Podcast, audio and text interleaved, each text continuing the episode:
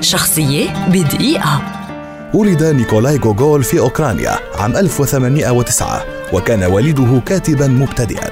التحق بالمدرسة العليا في نيجين وظهرت مواهبه الأدبية والفنية في سن الثاني عشر. بدأ جوجول مسيرته الأدبية بكتابة القصص في بعض المجلات واستمد مواضيعها من الفولكلور الأوكراني بأسلوب مضحك استعمل فيه ألفاظا وأمثالا شعبية أوكرانية. في تلك الأيام كان هذا الأسلوب جديدا في الأدب الروسي مما لفت أنظار القراء والنقاد إليه.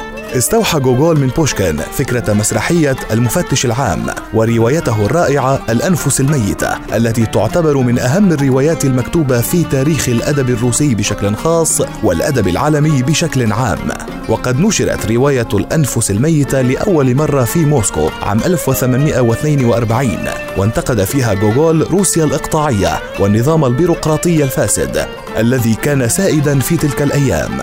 وفي نفس السنة نشر جوجول روايته القصيرة المعطف التي وصفها الأديب العملاق دوستويفسكي بأنها الرواية التي خرجت من عباءتها كل الروايات الواقعية التي ظهرت في روسيا.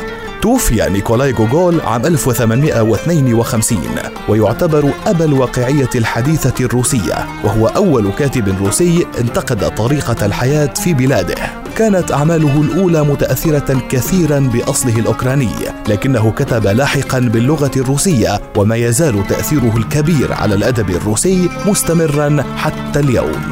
شخصية بدقيقة.